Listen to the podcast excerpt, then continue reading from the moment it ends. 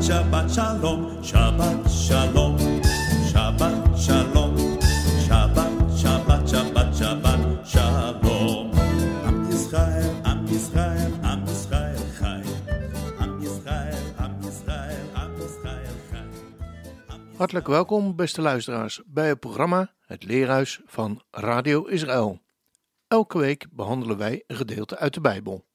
Deze week is Kaderstrijker uit Naale, Israël, uw presentatrice. Parasha Tetzaveh. Tetzaveh betekent beveel, hè, gebied. Van bevelen, gebieden, dus een werkwoord. We lezen Exodus 27, vers 20 tot 30, vers 10. Uit de Haftara lezen we Ezekiel 43, 10 tot 27. En dan lezen we ook Hebreeën 13, 10 tot 16. En ja, dan gaan we vertellen, want het is een heel verhaal natuurlijk. Want we zitten bij de inwijding. Ehm, ja, de combinatie van de bovengenoemde teksten. Daarin worden de bouw van de tabernakel, de bouw van de tempel, van het visioen van Ezekiel en het offer van Jehoshua, onze Messias, behandeld. Dat is heel veel bij elkaar. Er staat heel veel. Ja, in deze teksten. En ze kunnen ook niet zomaar in één keer even gelezen worden. Daar moet je echt veel meer voor studeren om echt tot diepte van begrip te komen. En zo staat er in Ezekiel de bouw van een toekomstige tempel beschreven, met maten en al. Maar spreekt de Hebreeën schrijver weer over het hemelse altaar. En dan kunnen we wat woordstudie doen. In vers 20 van Exodus 27, daar spreekt God over de heilige klederen van Aharon, bedoeld om hem op te sieren, op te luisteren, te verheerlijken. En dat is dan het woord pa'ar, met een p, alef, resh. En wie die priestertaak vervult, mag dit gegeven van die heilige klederen serieus nemen, ook in onze tijd. He, moet er prachtig uitzien voor God, mag niet zweten, vandaar de linnen klederen. En ik denk ook dat mogen we best vertalen naar de priesterdienst die we hebben in onze gemeenten vaak. Dat we daar ook op letten, dat we mooi gekleed zijn. Want dat zegt God ook tegen Aharon niet voor niks. Dan, God draagt aan Mosje op om de Israëlieten te zeggen dat zij zuivere olijfolie moeten brengen om de lampen van de tempel brandend te houden. En elke avond moet Aharon deze lampen aansteken en brandend houden tijdens de nacht. Ze mogen niet uitgaan. En in de ochtend moet Aharon de, de lampen klaarmaken voor de volgende avond. Dat vinden we dan in Exodus 30, vers 8. Het is dus zo, of de lampen branden, of ze zijn in staat van paraatheid gebracht. En het doet denken, doet mij in ieder geval denken, aan de maagden met de lampen, waar Jehoshua over spreekt. In Matthäus 25, 1 tot 13. En vijf van hen hadden wel lampen aan, maar er was niet genoeg olie als reserve om de lampen ook in staat van paraatheid te houden. En dus misten ze de bruiloft. En hoe ernstig is dat? En dan zegt hij ook waakt. In Lucas 21, 34 tot 36. Waakt, want u weet niet wanneer de dag aanbreekt. Waakt, want u weet niet wanneer de dag aanbreekt en het mag niet plotseling over u komen als een strik. Waakt te alle tijden en bid dat gij in staat moogt wezen om te ontkomen aan alles wat geschieden zal en gesteld te worden voor het aangezicht van de Zoon des Mensen. Ik vind dat altijd wel heel bijzonder, want ik heb, vraag me dan af hoeveel tronen zijn er in de hemel. En ik denk dan in ieder geval twee, de troon van de Vader en de troon van de Zoon. Zo lijkt het wel. En ik denk ook, ja, als je voor de troon van de Zoon terechtkomt, is het goed. Maar kom je voor de troon van de Vader terecht, dan heb je waarschijnlijk een probleem. Zo lees ik het, maar dat wil niet zeggen dat het zo is. Het is mijn interpretatie wil niet zeggen dat het ook werkelijk zo is. Maar hoe dan ook, zoals de hoge priester Aharon de lampen brandend moest houden, zo zijn wij ook als opzichters van ons eigen leven geroepen om onze relatie met Hem warm en levend te houden. Anders komt Zijn komst als een onverwachte strik en zijn we niet klaar. En dan verder gaat de geschiedenis met het reinigen en het heiligen van het altaar, het aankleden van de priesters in de heilige gewaden en het offeren van de jonge stier en de twee rammen. Aharon en zijn zonen worden gezalfd met Shemen Hamishcha. De lastige mond vol is dat. Shemen is olie. Hamishcha is zalf. Dus dit is eigenlijk die heilige zalfolie. En in dat woord Hamishcha zit het woord mashach verborgen. En dat betekent zalven. En daarvan komt er het woord gezalfde, de Mashiach. Onze Mashiach is die gezalfde. Hoe mooi is dat, dat we dat terugzien ook in de tempeldienst of in de tabernakeldienst.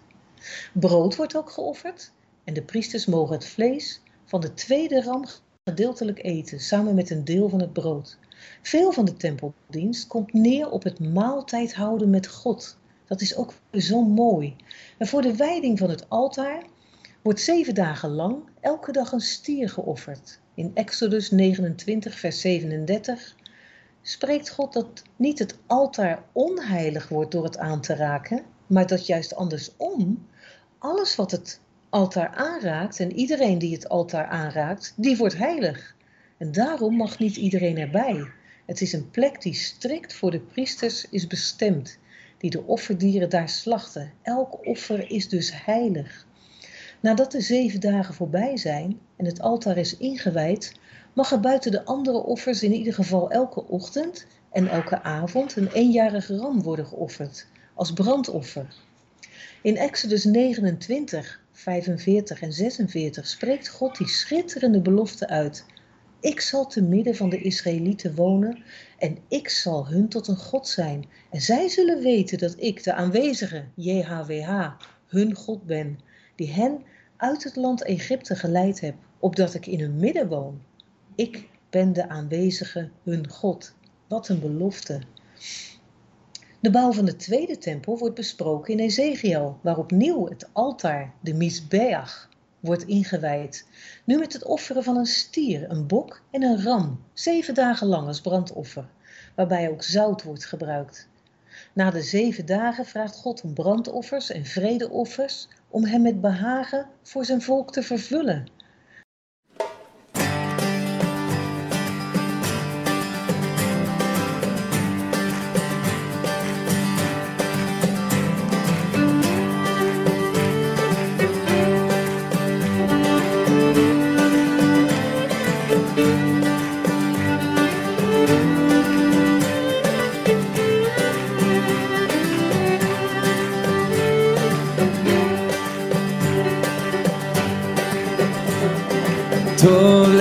להודות לאדוני ולזמר לשמחה עליון להגיד בבוקר חסדך ואמונתך בלילות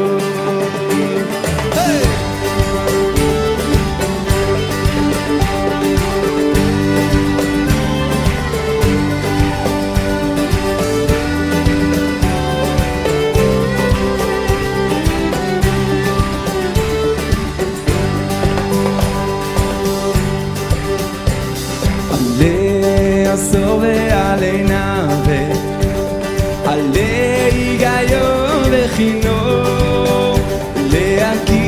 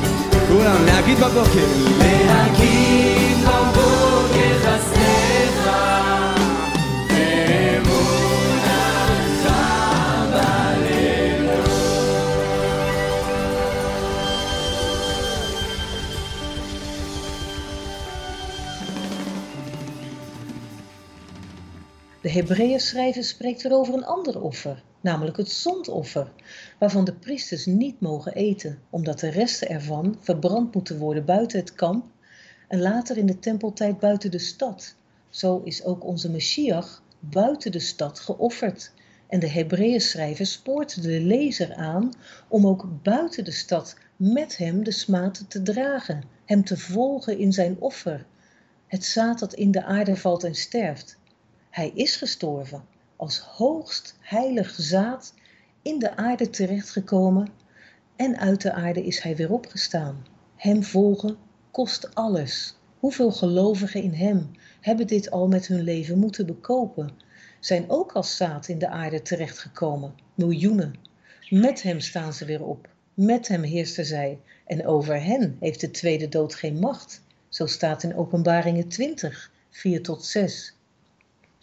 In de Haftara doet God een geweldige belofte aan het volk. Dat zich door haar ongerechtigheden moet schamen. Schamen is het woord kalam. En als het volk zich geschaamd heeft, dan mag het de tempel gaan bouwen volgens de nauwkeurige aanwijzingen van God zelf. Wat voor een God is hij toch, zo vergevingsgezind. Het is verbazend. In deze parasha gaan we geen theologische verhandeling houden, want dat voert te ver we zijn slechts woordstudenten. Toch een opmerking over Hebreeën 13, vers 10, waar staat dat de gelovigen een altaar hebben waar niet van gegeten kan worden. Deze opmerking van de schrijver lijkt een scheiding te maken tussen de Joden en de gelovigen uit de heidenen. Echter, waar de schrijver volgens de uitlegging van Stern in de Jewish New Testament over vertelt, is dat men niet mag eten van een zondoffer. En een zondoffer is wat Jehoshua werd van de mens. Van andere offers mocht de mens mee eten. Echter, het zondoffer werd buiten de stad verbrand, zoals gezegd. En zo is Jehoshua buiten de poorten van de stad een vreselijke dood gestorven. De gelovigen worden, zoals gezegd, opgeroepen om zijn schaamte te delen en voor hem uit te komen als een lofoffer in plaats van de offers die op het altaar gebracht worden. Dat is het verschil. Al vrij snel daarna wordt deze offerdienst opgeheven door de inval van de Romeinen onder Titus, waarbij de tempel en het altaar volledig verwoest worden. Maar de Messias, Jehoshua, zal die nieuwe tempel bouwen met het volk dat zich geschaamd heeft. Die vergelijking met Ezekiel 43, vers 27 maakt de Hebreeën schrijver in vers 16 door te zeggen dat we niet mogen vergeten om onze naasten lief te hebben en dat wat we hebben te delen met hen, want dit is God tot een welbehagen.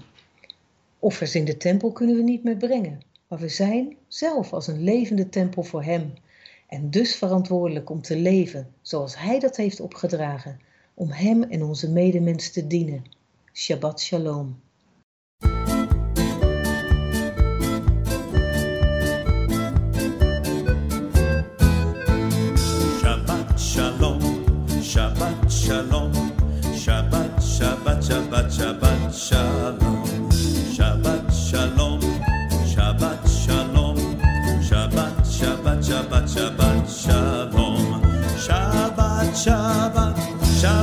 Shabbat, shalom, Shabbat, Shabbat, Shabbat, Shabbat shalom, Shabbat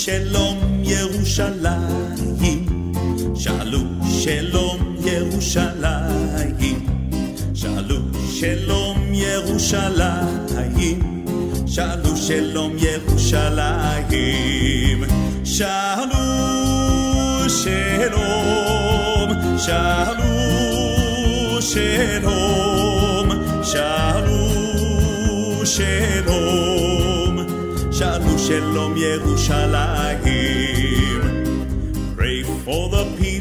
Jerusalem. Pray for the peace of Jerusalem. Pray for the peace of Jerusalem.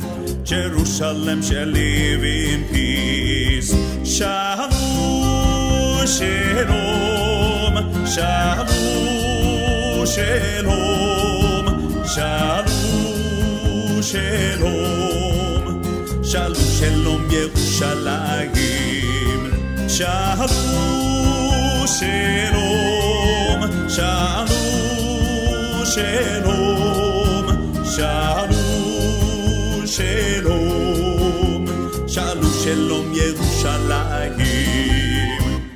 Shabbat shalom, Shabbat shalom, Shabbat, Shabbat, Shabbat, Shabbat shalom, Shabbat shalom, Shabbat shalom, Shabbat, Shabbat, Shabbat, Shabbat shalom.